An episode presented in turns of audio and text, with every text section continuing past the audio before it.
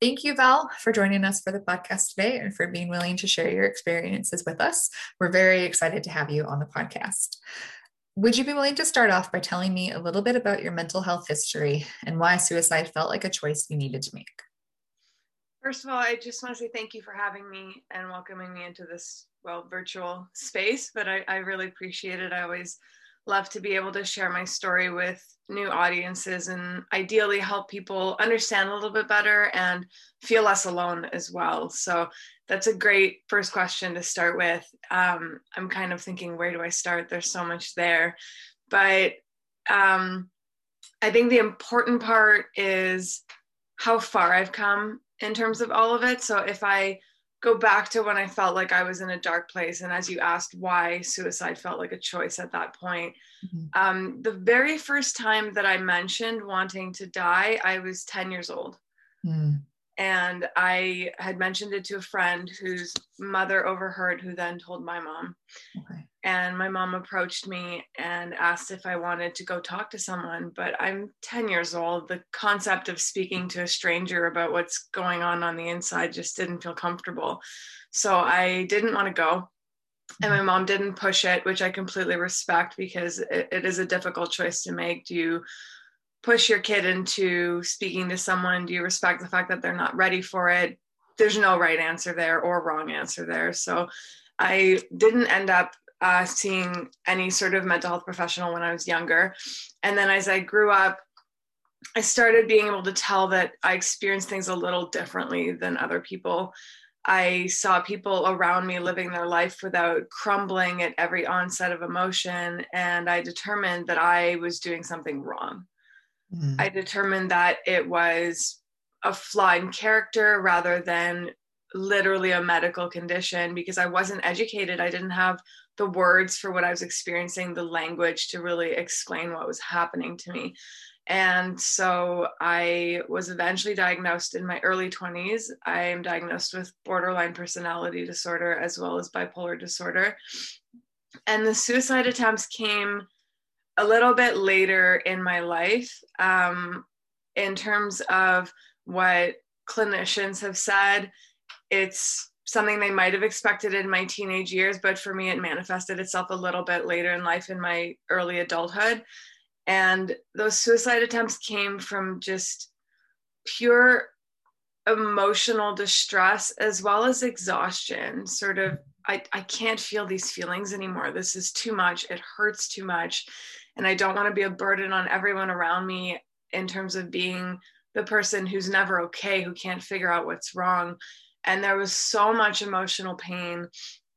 And um, all three attempts that I've had have stemmed from breakups. So when it comes to borderline personality disorder, symptoms are very interpersonal and they they do come with a lot of identity disturbances so i was using relationships to sort of create my sense of self and once that relationship dissolved then what was i left with. And that's where those attempts really the, the pain kind of came to a crux. It just became way too much. And i am now so grateful that i've survived those attempts. I can see what i have to offer the world. I've found you know, I do have days where I doubt myself, but I found confidence and I I found hope. And it's just really interesting to see how far I've been able to come from that diagnosis to having three attempts within a few years. They were fairly close to each other. Mm-hmm. And just the the darkness that I was in and the fact that I I don't feel like I'm as deep in that hole anymore. And I've, I've learned to manage and to mitigate the symptoms. And so it's, I feel a little bit removed from those attempts now. It feels sometimes like a story that I'm telling as opposed to something that actually happened to me. But I do know that it's super important to talk about it because there is quite a bit of stigma and we have to normalize those conversations so that people who are experiencing that can actually be open and honest and get the support that they need. Mm-hmm it's always nice to know that you're not alone. Exactly. Thank you so much for your honesty and for sharing that. Um, yeah, exactly like you what you just said. I think it's so important for people to hear these stories and to hear more than anything the successes and that you can make it through. Um, yeah. So kind of having talked about what you've been through, what has been the greatest challenge that you faced throughout recovery and the greatest accomplishment? I love that question. That's that's a really great question. Um, I would say that they're kind of one and the same. Okay. The greatest challenge has been getting rid of that mentality of being a burden, of not wanting to ask for support, of feeling like mental illness is weakness and seeking help is weakness. And that was a challenge for a long time because, as I explained, I didn't have the language or the information to know what was happening to me, to know that there were names for what I was experiencing, and therefore that there was treatment. I never knew any of these things. So I saw myself as this sort of broken person who had to put on a facade of being just like everyone else. And in my early 20s, oh, I was so good at that. I was way too good at that. I was the life of the party. I was bright and interesting and fun, and people wanted to be around me, and no one suspected that on the inside I was falling apart. I was so good at hiding it because I thought that letting it show was weakness. And so that was probably one of the greatest challenges to overcome was to understand that I I deserve support and anyone who feels any way that is similar to what I felt deserves support as well. And so learning that was a journey. And that takes me to the biggest accomplishment, which is the fact that now I ask for help when I need it. And that's a huge lesson that I've learned. And it really took me some time to give myself credit for it. But now I can say, way to go, way to be super strong for asking for the help that you need. And it um, it sort of manifested itself a few years ago when I was dealing with I was I was battling suicidal thoughts that were coming back up, and I asked somebody close to me that I trusted to take me to the ER. And on the drive there, my mind was racing, and I was thinking, okay, if I have the strength and the ability to make the decision to take myself to the ER because I don't feel safe, then doesn't that mean I have the strength or the ability to just decide not to kill myself? And I was sort of discrediting myself and telling myself, well, if you can decide to go, then really you're fine. So you don't need to go. What are you doing? You're wasting resources, wasting people's time.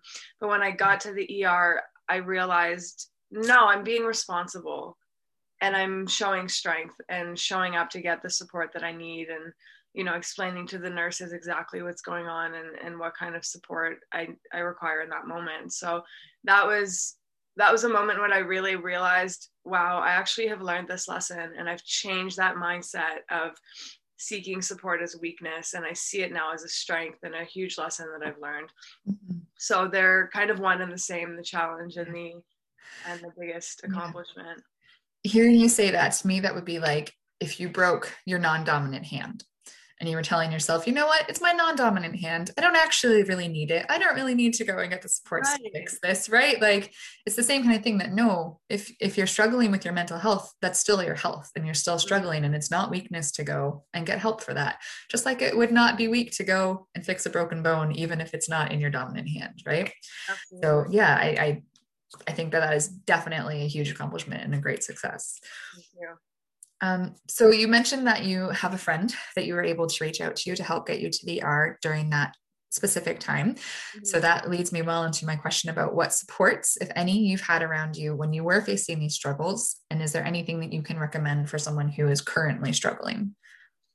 It's it can be very difficult to be struggling with suicidal thoughts because it definitely makes you feel isolated. It makes you feel like your darkest thoughts are too dark for the people in your life. It makes you feel like you're going to shock them or scare them and you don't want to cause them any sadness or hurt at the thought that you're experiencing these things. But if you just find a little bit of vulnerability and open up and let people be there for you, mm. I've had some amazing people in my life be there for me. My mom, for example, her and I have sort of undertaken the educational aspect of the journey together, learning about these disorders, what they're about, what the symptoms are, how it affects someone.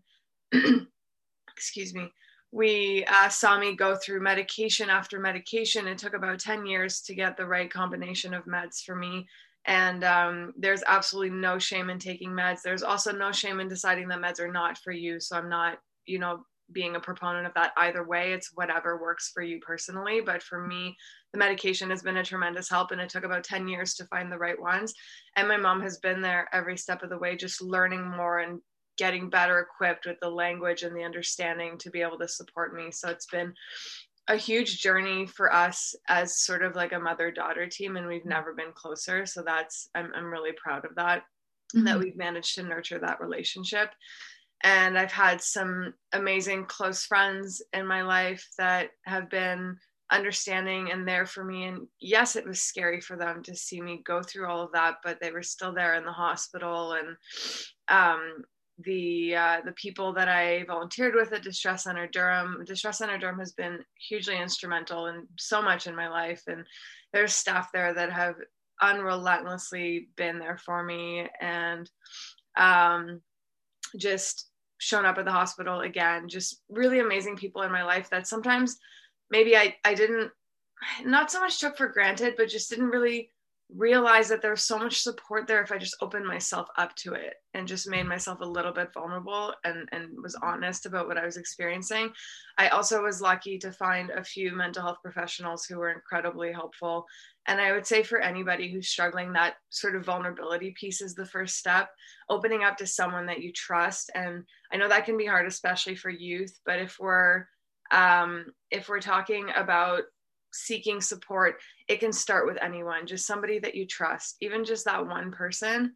If you say it out loud, I am thinking of suicide or I am thinking of killing myself, it opens the door to a conversation and it really it relieves so much emotion just to say it out loud and acknowledge that that's a thought that you're having. So just starting with that one person and then all of a sudden you're a team of two and now you can make a plan and figure out who you're going to tell next whether that's the triage nurse at the ER or calling your psychologist that you've been seeing for a while or calling a crisis helpline, whatever the plan may be. There's a lot of resources out there, but mm-hmm. starting with that one person so that you're just no longer alone and now you're a team in battling the issue, I think is a, a really huge first step. Mm-hmm.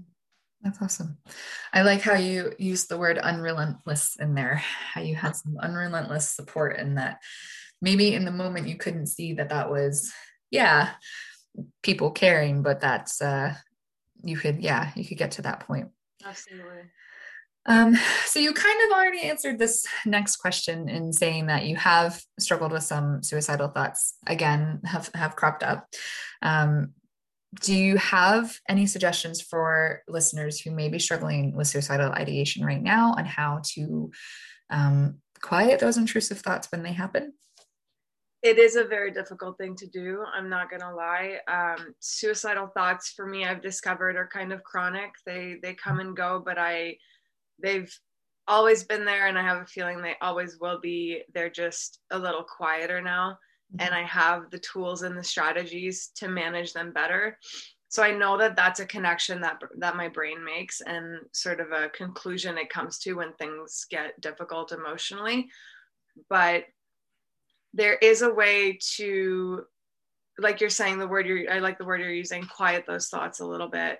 Um, and it's it's about first of all the self-awareness to understand that we are having those thoughts and not dismissing them because it is it is important and it is something that can be dangerous. So we have to address it when it comes up. So not invalidating ourselves and dismissing our our own emotions but making sure that we acknowledge that this is what we're experiencing right now and it's it's okay. It's valid. It's allowed. And it just means that we're going to need a little bit of extra support. So again talking to someone about it hugely important and can make such an impact in the way that we're feeling. Um, so just finding even one person that we trust that we can open up to. And if that happens to be a volunteer on a helpline that's great as well. I mean those volunteers I was one, we're trained, we're there to offer support, we are there to be non judgmental and compassionate. So, anyone in your life who can be non judgmental and compassionate, start there and and say those thoughts out loud i find that it it sort of relieves a bit of pressure once you say it out loud mm-hmm. and it also makes it more real so you can now start to tackle it and start thinking well is this really something that i want to do right now so to me, there's a little bit of rationalization as well, trying to find the logic behind the thoughts. And if I know that the suicidal thoughts are coming up because of, for example, I made a mistake somewhere and I'm feeling really low self worth, well, there's a reason there. So let's address that reason. Maybe I messed up on a presentation that was really important.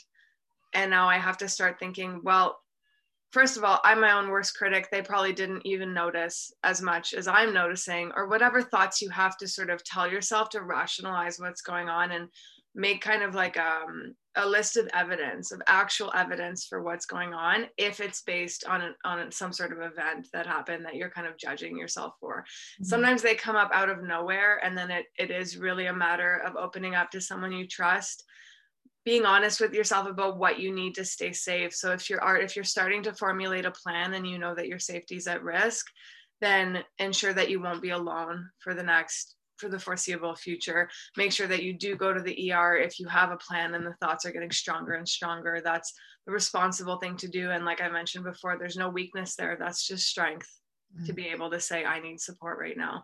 So being self-aware and having the honesty with yourself of where you are in terms of your safety and addressing it based on you know if there's sort of fleeting thoughts of suicide in the back of your head then some self-care might be really helpful. Just taking the day off work taking a personal day from school whatever the case may be and doing things that make you feel relaxed and valued and and those types of things. And then if there starts to come a plan that comes along with them and you start realizing that your safety is in danger then opening up to someone taking yourself to the hospital if you have to or mm-hmm. contacting a crisis team. So it's you have to be really honest with yourself about it. Okay. You touched there on taking the time to do some self-care especially in the early stages and you've also mentioned that you have found medication that works for you, which is amazing. Um, so I'm just wondering if there's any other self care practices or routines that you uh, maybe rely on more than others to help you get through those tougher days or to just help you get through the normal days. Yeah. Um, for me, organization is a huge thing.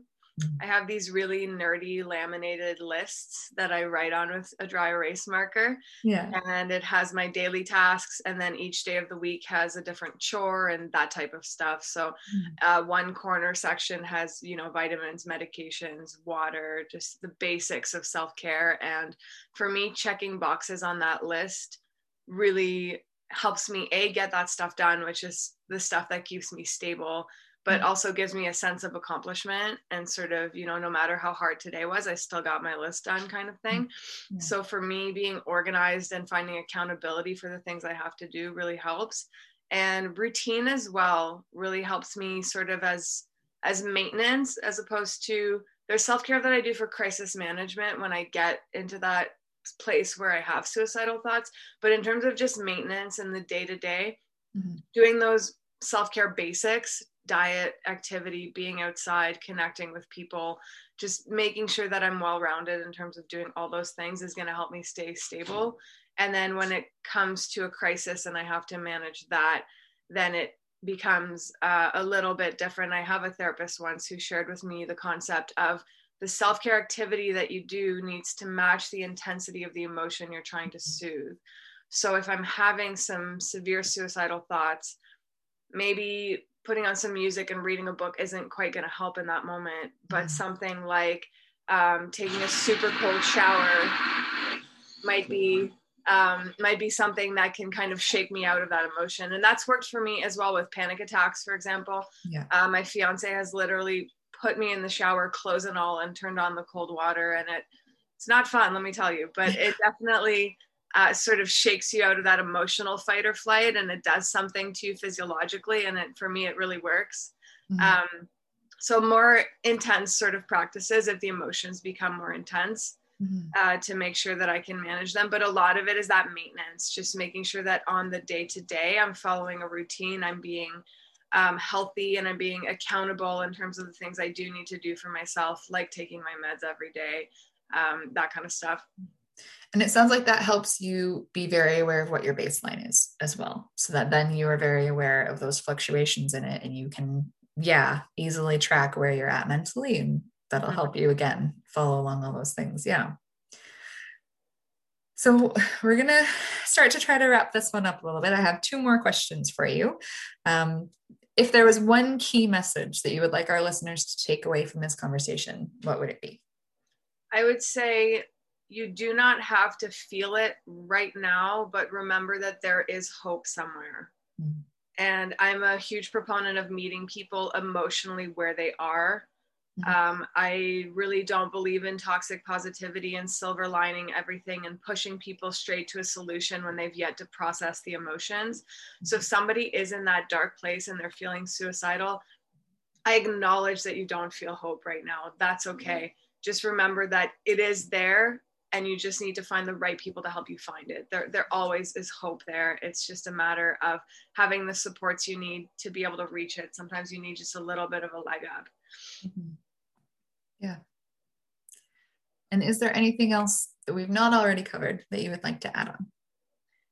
I would just say when it comes to suicide, practice and talk about it and be open about it. If you need to just sit alone in your living room and practice saying out loud, Are you thinking of suicide? Are you thinking of killing yourself? Being able to be comfortable asking those questions could literally save someone's life because research has shown when you ask somebody out loud and you get them speaking about it candidly, it greatly reduces the chances of them going through with an attempt. So being comfortable with that word, it can be shocking. It is a heavy topic. It is something that's very difficult but becoming more comfortable with saying it out loud asking someone if you feel that they may be feeling that way. You could you could save somebody's life that way. So i would say that that's really important just to sort of normalize those conversations and let go of the judgment and the stigma. Mm-hmm. yeah i think that you make a very very valid point there as well in saying to let go of the judgment that if you do feel like this is a conversation that you need to have with someone you need to leave your own feelings at the door. Yeah. Mm-hmm. Thank you so much. I really appreciate your honesty throughout this whole conversation and your willingness to share. And I think that this is going to be very helpful for a lot of people to hear your story. So thank you so much. I hope so. Thank you for having me. I appreciate it.